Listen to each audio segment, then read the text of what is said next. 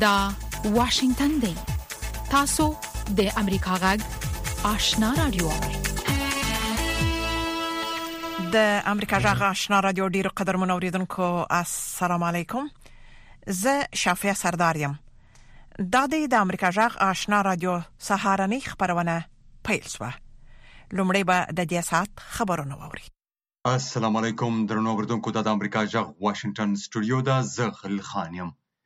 پام وکړئ د سات خبرونو ته د امریکا د متحدو ایالاتونو او د هند د بهرنیو چارو وزیرانو له طالبانو وغوښتل چې د ملګرو ملتونو د امنیت شورا د پریکړه لیک پر اساس پرې نږدې چې بیا افغانستان د ترهګرو په روزنتون بدل شي د متحده ایالاتو د دفاع وزیر لوید آسټن او د بهرنیو چارو وزیر انټوني بلینکن د هند امریکا د دوه پلس دوه وزیرانو په نامه یوې غونډې کې د دوشنبې په ورځ د هند د بهرنیو چارو وزیر جې شنکر او د دفاع وزیر رجنات سنګ سره په یو اواز طالبان وهڅول چې د ښځو او ماشومانو د حقونو په ګډون بشري حقونو ته وفادار پاتې شي. د امریکا او هند د بهرنیو چارو وزیرانو همداشان په افغانستان کې د یو پراخ بنسټه حکومت په جوړېدو باندې د ټینګار تر څنګ ژمنه وکړه چې د افغانستان په اړه به نږدې سلا مشورې ولري ترڅو ټول افغانان یو ټول شموله او سوله ییزه آینده ولري. هغوی همداشان د افغانستان اړمنو خلکو ته د مرستو د رسولو په اړه هم وږغېدل. د امریکا او هند د بهرنیو چارو او د دفاع وزیرانو همداشان د اوکراین د کړکېچ په اړه او په هغه هېواد کې د جګړې او تاوتریخوالي په سمدستي درېدو باندې ټینګار او بحث وکړ. او په یو ږغ یې د ملکي وګړو وژنې وغندلې. په ایران کې له افغان کډوالو سره د زورزیاتي او بد چلند د ځینو راپورټونو له خپرېدو وروسته افغانانو د ایران پر ضد د سه شنبې په ورځ هم مظاهرو ته دوام ورکړ او ایران یې په غبرګون کې په افغانستان کې خپل د سفارت او کونسلګرۍ خدمتونه بند کړي دي. د ایران د بهرنیو چارو وزارت ویلي چې تهران اعلان کړی چې په افغانستان کې به تر هغه د خپل کونسلګرۍ خدمتونه بند کړي ترڅو پورې چې د پوره امنیت ضمانت نه وي ورکړل شوی. د اژانس فرانس پرس د راپور له مخې، پرون د سه شنبې په ورځ په کابل کې شاوخوا دوو سوو افغانانو د ایران پر ضد مظاهره وکړه او په هغه هېواد کې یې له افغان کډوالو سره د ایران د امنیتي ځواکونو او عادي افغانانو بد چلند وغنده. تر دغې مظاهرې یوه ورځ مخکې په کابل، هرات او خوست کې هم سلګونو کسانو د ادعا له مخې په ایران کې د افغان کډوالو سره د بد چلند د غندلو لپاره مظاهرې وکړې. په افغانستان کې د ایران پر ضد دا مظاهرې له هغه وروسته وپارېدې چې په ټولنیزو رسنیو کې ځینې ویډیوګانې او تصویرونه خپاره شول چې پکې ښودل کېږي ځینې ایراني امنیتي ځواکونه او عام خلک یې له افغانانو سره بد چلند کوي. ایراني چارواکو دغه ویډیوګانې بې بنسټه او جعلي بللې دي. ایران د څو لسیزو راهیسې میلیونو افغانانو ته پناه ورکړي. په افغانستان کې د طالبانو حکومت د راتګه وروسته زرګونه افغانان ایران ته کډه شوي دي. په پاکستان کې امنیتي چارواکي وایي چې نامعلومو وسلوالو د خیبر پښتونخوا په ډېره اسمال خان کې د پولیسو په یو ګزمې برید کړی، پنځه تنه یې وژلي او اووه نور یې ژوبل کړي دي. دغه برید پرون د سه شنبې په ماښام د ډېره اسمال خان د تحصیل کلاچي په سیمه کې شوی دی. د ډېره اسمال خان د پولیسو ویاند علي جنجوه د امریکا ږغ ډیوې څانګې ته وویل چې د پولیسو دوه موټرونه په ګزمه بوخت ول چې وسلوالو لومړی په توغندۍ ووښتی او بیا یې پرې ډزې کړې دي. ژوبل سوي کسان روغتون ته انتقال سوي او د وضعیت په اړه لا معلومات نسته. وسله وال کسان له بریده وروسته تښتېدلي دي او کومي ډلي لا د دغه بریدونو مسولیت نه دی منلی. دغه برید په داسي مهال سوی چي تحریک طالبان پاکستان د سپرلنیو عملیاتو د پیلولو خبر ورکړی دی. دا لومړی ځل دی چي پاکستاني طالبان د روژې په میاشت کي د داسي عملیاتو د پیلولو خبر ورکوي. د نیویارک ښار د ځمکې لاندې میټرو سیستم کې په ډزو کې لږ تر لږه دیارلس تنه ټپیان شوي دي او د دې ایالت مقاماتو ویلي دي چې د ډزو په ځای کې یې چاودېدونکي توکي هم موندلي دي. امریکایي رسنیو راپور ورکړی چې دغه پېښه د سه شنبې په سهار د ګڼې ګوڼې پر وخت کې د نیویارک ښار د ځمکې لاندې سړک کې د بروکلین په سیمه کې شوې ده. تر اوسه اعلان شوي شمېرې ابتدايي دي او د ټپي شوو کسانو دقیقه شمېره لا نه ده څرګنده. د نیویارک ښار د پولیسو مشر د رویټرز خبري اژانس ته ویلي دي چې مسؤلین د پېښې په څېړلو بوخت دي، خو هغه هم د مرګ ژوبلې کره شمېره وړاندې نه کړه. د روسیې ځواکونو د سه شنبې په ورځ د ماریپول بندري ښار د نیولو لپاره خپل کمپاین تېز کړی دی. داسې فکر کېږي چې ماسکو د هغو جدایي غوښتونکو چې روسیه یې ملاتړ کوي په مرسته د کریمیا قبضه شوې سیمه د ډونسک او د ډونباس سره د یوځای کولو هڅه کوي. له دغو سیمو څخه ملکي کسان هڅې کوي چې وتښتي. د اوکراین بندري ښار ماریپول چې د شپږ اوونیو راهیسې د روسي ځواکونو تر محاصرې لاندې دی، ښاروالې وایي چې د روسیې د ځواکونو په بریدونو کې څه د پاسه لس زره ملکي وګړي وژل شوي دي او مړي یې په کوڅو کې پراته دي. بلې خوا د اوکراین جمهور رئیس ولادیمیر زیلنسکي په هغو سیمو کې چې روسي ځواکونو نیولې وې او اوس بیا پر شا شوي، د ماشومانو په ګډون ډله ییزې جنسي ځورونې غندلې دي. دا په داسې حال کې ده چې د اوکراین جنګ شپږمې اونۍ ته داخل شوی دی او د اوکراین پوځ د روسي ځواکونو په مقابل کې د ماریپور ښار د ساتلو لپاره سخت مقاومت کوي. د اوکراین جمهور رئیس ولادیمیر زیلنسکي وایي، هغه په دې باور دی چې روسي ځواکونو سلګونو زره کسان په دغه ښار کې وژلي دي. دا پرمختګونه په داسې حال کې شوي دي چې په اوکراین کې د جنګ د بندېدو لږ هیلې شته، ځکه چې د روسیې جمهور رئیس ولادیمیر پوتین ویلي چې ماسکو به خپل پوځي عملیات د خپل جدول په حساب پرمخ وړي او د اوربند نړیوالې غوښتنې یې نه دي منلي. د نایجیریا په مرکز کې وسلوالو په څو کلو کې د غلاو او د بریدونو پر مهال د سلو څخه زیات کسان وژلي دي د اژانس فرانس پریس د محلي رسنیو له قوله ویلي دي چې دا په دې کال کې د مجرمینې ډلې چې په درنو وسلو سمبال دي او د هیواد په ځینو برخو کې ویره خپره کړې ده تر ټولو لوی برید دی د ټولنې دوه مشرانو او د کلي یو قومندان د یکشنبې په ورځ وویل چې وسلوالو په څلورو کلو بریدونه وکړل او د سلو څخه زیات کسان یې ووژل او کورونه یې ورتباه کړل. د دې بریدونو په اړه پوره تفصیلات لا نه دي رارسېدلي، امنیتي ځواکونو دا برید تایید کړی دی، خو د مړو شوو کسانو شمېر تاییدول یې رد کړی دی. او د اوکراین سرحدي ځواکونو د سه شنبې پر ورځ ویلي چې د جنګ د پیل نه راهیسې د هېواده څخه د تښتېدلو کسانو د جملې څخه اته لکه اویا زره کسان چې ښځې او ماشومان هم پکښې شامل دي بېرته هېواد ته ستانه شوي دي. ویاند انډري ډیماچیکو وویل، اوس مهال هره ورځ د پنځه ویشت زرو څخه تر دېرش زرو پورې اوکرینیان بېرته وطن ته راځي. هغه زیاته کړه، د جنګ د پیل په ورځو کې زیاتره نارینه بېرته راتلل چې د روسي ځواکونو سره وجنګېږي او اوس مهال په دغو کسانو کې ډېری یې ښځې، ماشومان او د زاړه عمر کسان دي. هغه خبریالانو ته وویل چې کله دغه کسان وویني چې وضعیت اوس ارام دی او په خاصه د هېواد په لویدیځو سیمو کې، نو دوی نور نه غواړي چې په بهرنیو هېوادونو کې پاتې شي. ملګرو ملتونو ویلي چې د فروري په څلورویشتمه نیټه کله چې روسیې په اوکراین برید پیل کړ تر اوسه څلور اعشاریه شپږ میلیون څخه زیات اوکراینیان د هیواد څخه تښتېدلي دي دا خبرونه چې تاسو د امریکا ژغ د واشنگټن د سټوډیو څخه واوریدل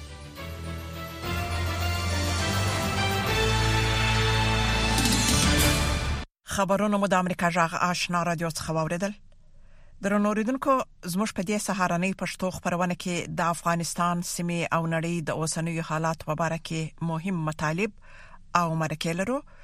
او د امریکا جغ سر مقاله هم اوریدلای شي خو لومړی براسو دیته د کابل یو شمیر اوسیدونکو د دوشنبه په ورځ په ایران کې له افغان کډوالو سره د ناوړه چلن په خبرګون کې په کابل کې د یاد هیواد د سفارت مخې ته لاریون وکړ هغوی د افغان کډوالو په وړاندې د دې ډول چلند د درېدو غوښتنه وکړه د بل خوا د طالبانو د بهرنیو چارو وزیر امیر خان متقی په کابل کې د ایران له سفیر بهادر امینیان سره کتلی او په هغه هیواد کې له افغان کډوالو سره پسوي چلن اندیشنه څرګنده کړې نور حال زموږ د همکار سمیع الله جلالزی په رپورټ کې واوري. وروسته لغه چې په ایران کې له افغان کډوالو سره د ناوړه چلند په اړه په ټولنیزو رسنیو کې راپورونه او ویډیوګانې خبرې شوې عامو افغانانو په خواني چارواکو او د طالبانو مسؤلینو خبرګونونه خوده لیدي میرمنو په ګډون یو شمیر مظاهره کوونکو په ایران کې له افغان کډوالو سره د ناوړه چلند په اړه په کابل کې د ایران سفارت مخته مظاهره وکړه مظاهره کوونکو په ایران کې له افغان کډوالو سره د ناوړه چلند د درېدو غوښتنه وکړه د طالبانو د بهرنیو چارو وزیر امیر خان متقی هم د یک شنبه په ورځ په افغانستان کې د ایران له سفیر بهادر امینیان سره په لیدنه کې وویل چې په هغه هیواد کې له افغان کډوالو سره ناوړه چلند د دواړو هیوادونو په اړیکو ناوړه اغیز کوي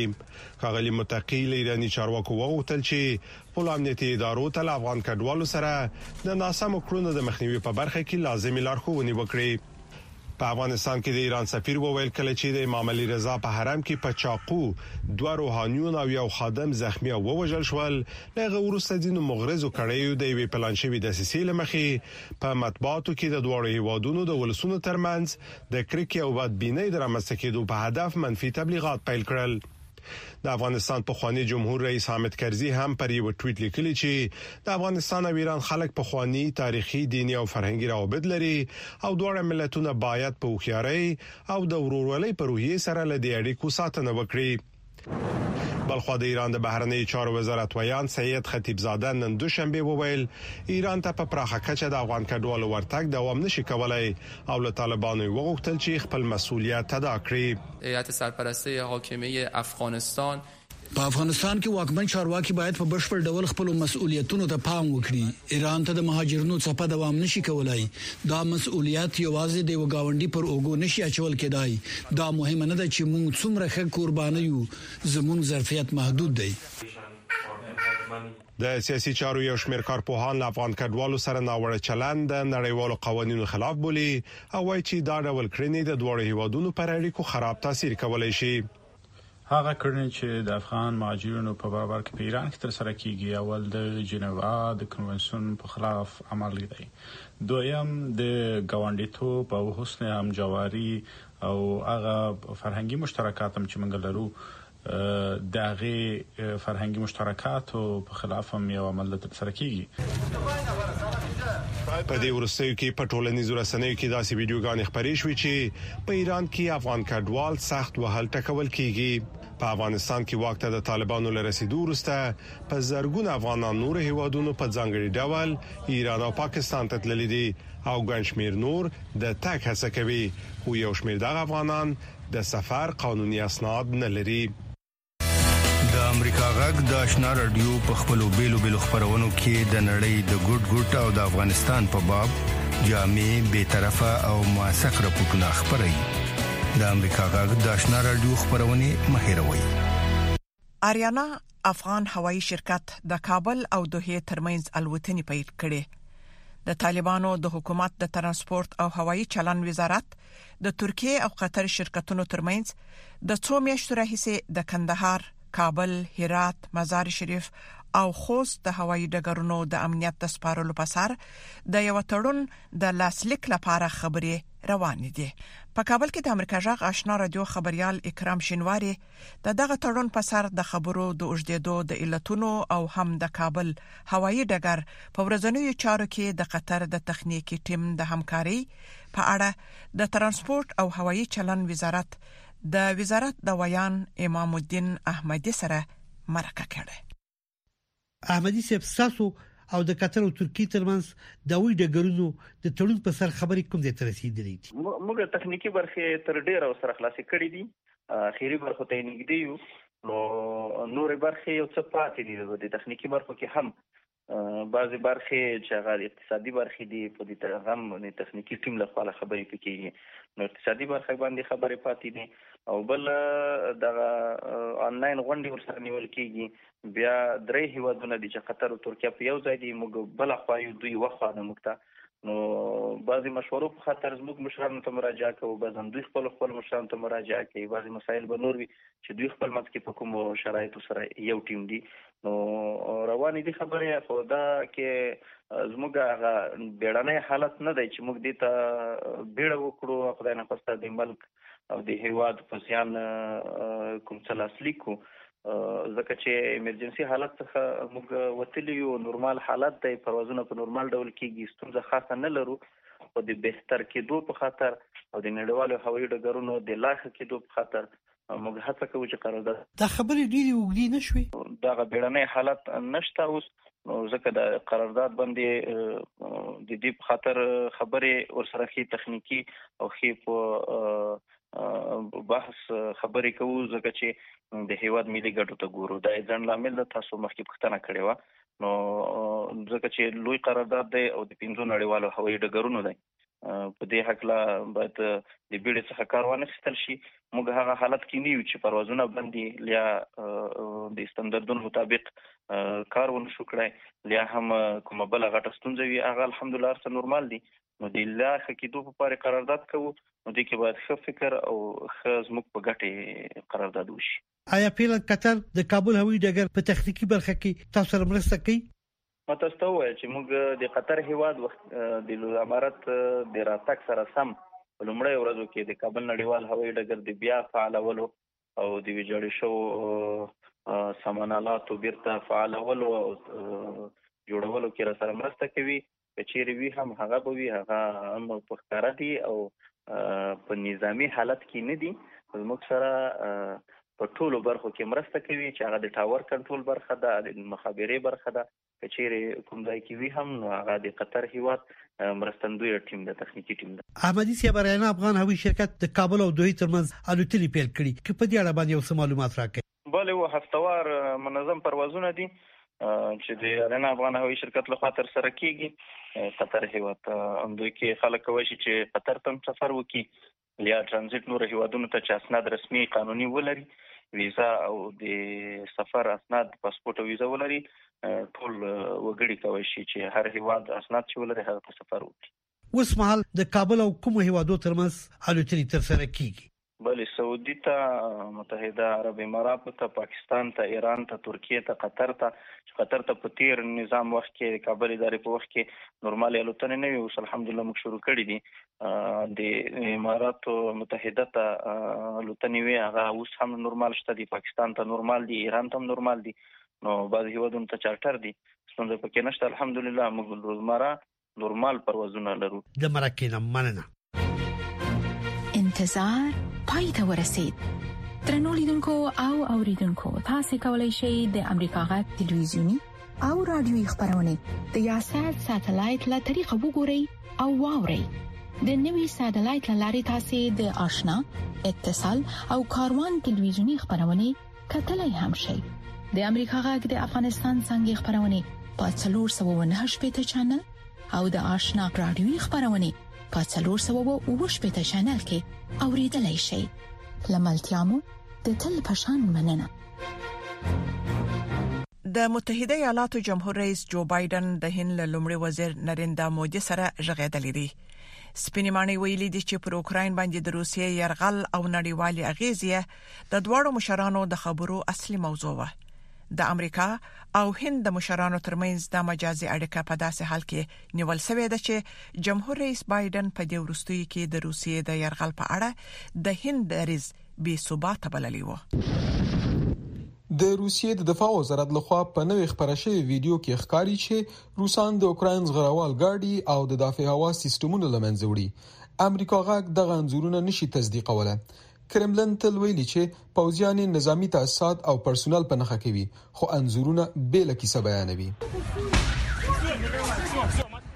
دغه انځورونه په اوکراین کې د اورګاډي د هغه تمځای دي چې تېره اونۍ پرې برید وشو.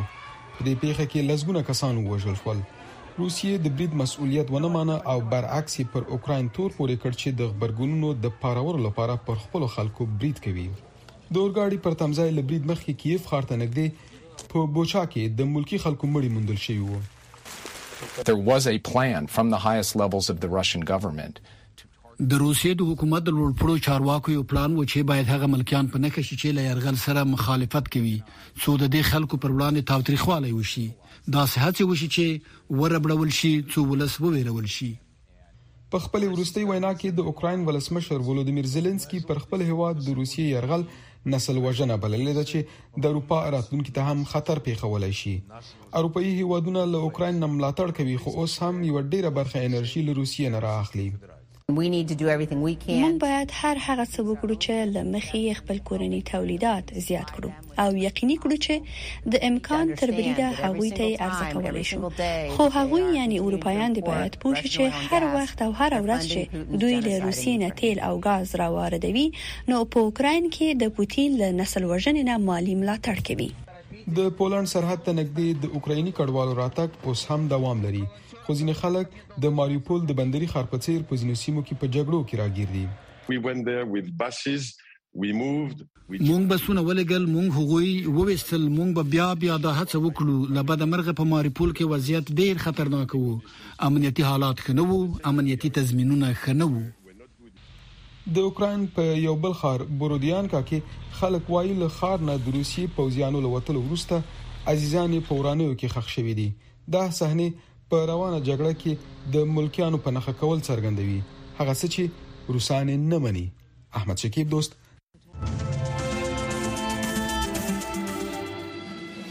د امریکا غک آشنا رادیو درنو اوریدونکو تاسو کولای شئ د امریکا غک آشنا رادیو خبرونه په منځنوي سپو 12 شپږنوي او 902 کیلو هرتز او لنډې چپې 11515 باندې واورئ د پکتیا د یو شمېر لیرې پرتو سیمو خلک لا هم د پولیو واکسین په اهمیت نه پوهیږي او په وړاندې یې حساسیت ښيي. د پکتیکا د عامې روغتیا د مسؤلینو په وینا، کم پوهاوی او په تیرو دورو کې د جګړو شدت د خلکو د پوهاوي سطحه زیانمنه کړې ده، نو ځکه لا هم د ګوزڼ واکسین خپلو کمکیو ماشومانو ته نه تطبیقوي. منیر بهار په دې باره کې رپورټ لري. د سویل ختیځ زون پکتیکا ولایت په لرې پرتو سیمو کې ګڼ شمېر خلک لا هم د پولیو واکسین له اهمیت نه دي خبر او د تطبیق په وړاندې یې غفلت کوي. د پکتیکا د عامې روغتیا مسؤلین وايي چې په خلکو کې د پوهاوي سطحې ټیټوالی د دې لامل شوی چې لا هم د دغه ولایت یو شمېر لرې پرتو سیمو اوسېدونکي د ګوزڼ واکسین د تطبیق په وړاندې منفي غبرګون ښکاره کوي. د پکتیکا د عامې روغتیا رییس ډاکټر حکمت الله عصمت په دې هکله اشنا راډیو ته وویل، په تېر کې پکتیکا ولایت ته هېڅ کار نه دی شوی، له تعلیم له لحاظه، د صحت له لحاظه دا خلک محروم پاتې شوي دي او د اېن اې ډي یا د واکسین په برنامو کې هم دا خلک محروم وو، د ناامني وجه یو وه او د عامه پوهاوۍ نشتوالی دا ټول هغه عوامل وو چې دلته ټولو ولسوالیو ته، پکتیکا څلوېرس اداري واحده ده، ټولو ولسوالیو ته واکسین نه رسېده، دا وجه دا ده چې دا خلک له تعلیم هم محروم دي. د واکسین په اهمیت باندې هم نه پوهیږي دا عوامل هم دي. یوازې پکتیکا هم نه ده بلکې د سویل ختیځ زون ځینو نورو ولایتونو کې هم داسې سیمې شته چې ډیر کم خلک یې د پولیو واکسین له اهمیت باخبره دي. د خوست دوو تنو اوسیدونکو اشنا راډیو ته څرګنده کړه چې په خلکو کې د پوهاوي کچه ټیټه ده او اړتیا لیدل کیږي چې د بیلابیلو برنامو له لارې خلک د ګوزڼ واکسین په اهمیت وپوهول شي. کبیر خان او قدیر الله په دې هکله خپل نظرونه داسې څرګند کړي. دا یوازې پکتیکا ولایت نه دی چې د واکسینو په اهمیت باندې پوهیږي یا نه پوهیږي، مګر په خوست ولایت کې هم ډېرې لرې پرتې ولسوالۍ، سیمې شته چې دلته د واکسینو په ګټو او توانونو باندې هېڅ خلک اګاه نه دي، هېڅ عامه پوهاوی نه ده ورته شوی. بناً زموږ غوښتنه هم همدا ده چې باید په خوست ولایت کې په لیرې پرتو ولسوالیو کې د دې برخې ته توجه وشي او اما پوهاوی ترسره شي. زموږ هیله او غوښتنه له چارواکو خصوصاً یونیسف او روغتیا نړیوال سازمان څخه دا ده چې دوی په بېلا بېلو پروګرامونو سره په افغانستان کې د پولیو د مخنیوي هڅې چټکې کړي، په دې برخه کې د خلکو د پوهاوي سطحه لوړه کړي، ځکه دلته تېر څلوېښت کاله جګړو د خلکو ذهنیتونه خراب کړي او د واکسین په شمول په ډېرو روغتیايي برخو کې پوهاوي ته خاص ضرورت لیدل کېږي.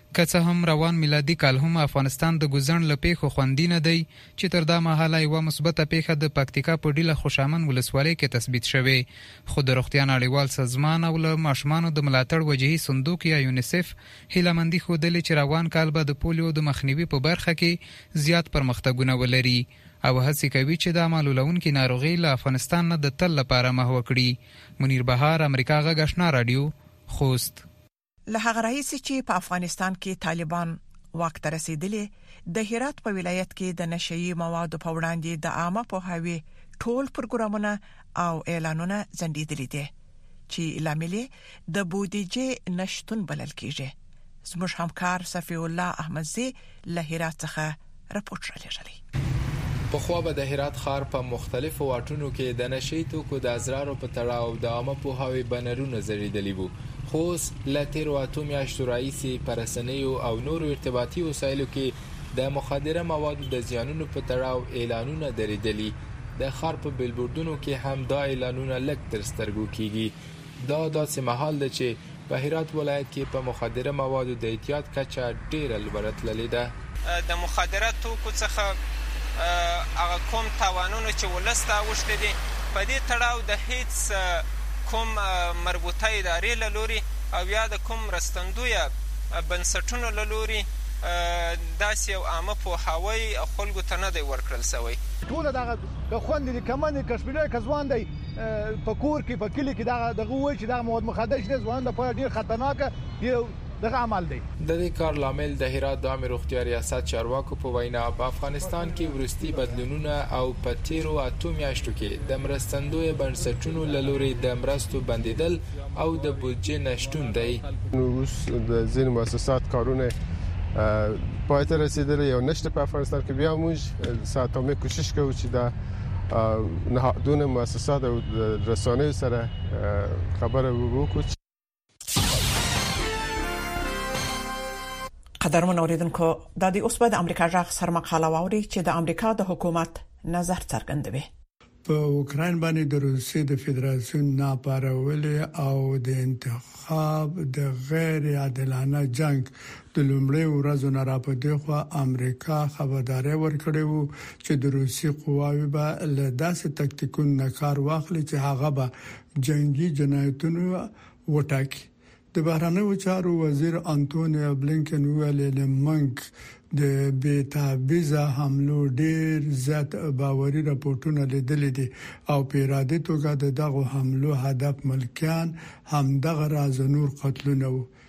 روسي قواوو اپارتمانونه، ښونځي، روغتونونه، د ملکیانو موټرې، د سودا کولو مرکزونه، مهم بنیادي کارونه او امبولانسونه ویجاړ کړل، په زرګونو بې ګناه ملکیان یې ووژل یا ټپیان کړل. ډېر مرکزونه چې روسي قواوو ویشتلي وو، په څرګنده توګه داسې په ګوته کېدل چې د ملکیانو له خوا ورنه کار اخیستل کېده. د روسي پوځ له خوا په ملکي مهارتونو باندې د ګوزارونو نه علاوه، په دوی کې د ماریوپول د مور او ماشوم روغتون او د ماریوپول تیاتر شامل دي چې د ملکیانو له خوا د سرپناه په حیث استعمالېده په نتیجه کې په سلګونو تلفات واړول په دغه تیاتر باندې په غټو تورونو ماشومان لیکل شوې دي پر مخ او د پارکولو شاته په دواړو باندې انځور شوي دي او په څرګنده توګه له اسمان نه ښکاري. د بهرنیو چارو وزیر بلینکن وویلي، دا رنګه ډارونکي حملې د ملکیانو د هدفونو په خلاف د ولادیمیر پوتین د یرغلګرو قواوو لپاره هیڅ نوي نه دي. د بهرنیو چارو وزیر بلینکن وویل د پوتین اقوا ول عین تکتیکونه په ګروزنی، چچنیا او د سوریې په الیپو کې کار اخیسته ده چیرې چې دوی په خارونو باندې خپل بمباری پراخه کړه چې د خلکو اراده کمزوري کړي. د دوی کوشش چې په اوکراین کې دا رنګه کوي نړۍ ته یې بیا ټکان ورکړ او په داسې حال کې جمهور رئیس زیلینسکي په رښتیا په وینو او په اوښکو کې د اوکراین د خلکو د لمبیدلو او غسل کولو شاهدي ورکړه. د بهرنیو چارو وزیر بلینکن وویل، په داسې حال کې په محاصره شوي ماریوپول کې چارواکو د مارچ د میاشتې په دوه ویشت مه نیټه وویل، په دغه ښار کې یوازې څه باندې دوه زره څلور سوه ملکیان وژل شوي وو، په دې کې د ماریوپول تباهي شامله نه ده، ملګرو ملتونو په رسمي توګه د وژل شوو او ټپيانو شوو په شمول د څه باندې 2500 ملکيانو تلفات تاييد کړل او ټينګار کوي چې احتمال لري دقيق شمېر به له دې نه لوړ وي. همدا علت دی چې د بهرنيو چارو وزير بلېنکن د مارچ د میاشتې په دوه ویشت مه نېټه اعلان کړه چې د اوسنیو موجوده معلوماتو له مخې د امریکا حکومت ارزیابي کوي چې د روسیې د قواوو غړي په اوکراین کې د جنګي جنایتونو مرتکب شوي دي. د بهرنیو چارو وزیر بلېنکن وویل، په داسې حال کې په هر اعداء شوي جنایت سره په نتیجه کې یوه محکمه په دغه جنایت باندې په قانوني صلاحیت سره په خاصو قضایاو کې د جنایي ګناه د پریکړې په باره کې مسوله ده. ده وویل، د امریکا حکومت به د جنګي جنایتونو د راپورټونو څرک لګولو ته دوام ورکوي او لاسته راوړي معلومات به د متحدینو انډیوالانو او بین المللي موسسو او بین المللي سازمانونو سره په مناسبه طریقه شریک کړو. مونږ ژمنه کړې ده چې هدا حساب کتاب ورکول تعقیبوو، د جنایي تعقیبولو په شمول د هرې موجوده وسیلې نه کار اخلو. تاسې د امریکا غږ سرمقاله واورېده چې د امریکا د حکومت رسمي نظر یې څرګند کړ.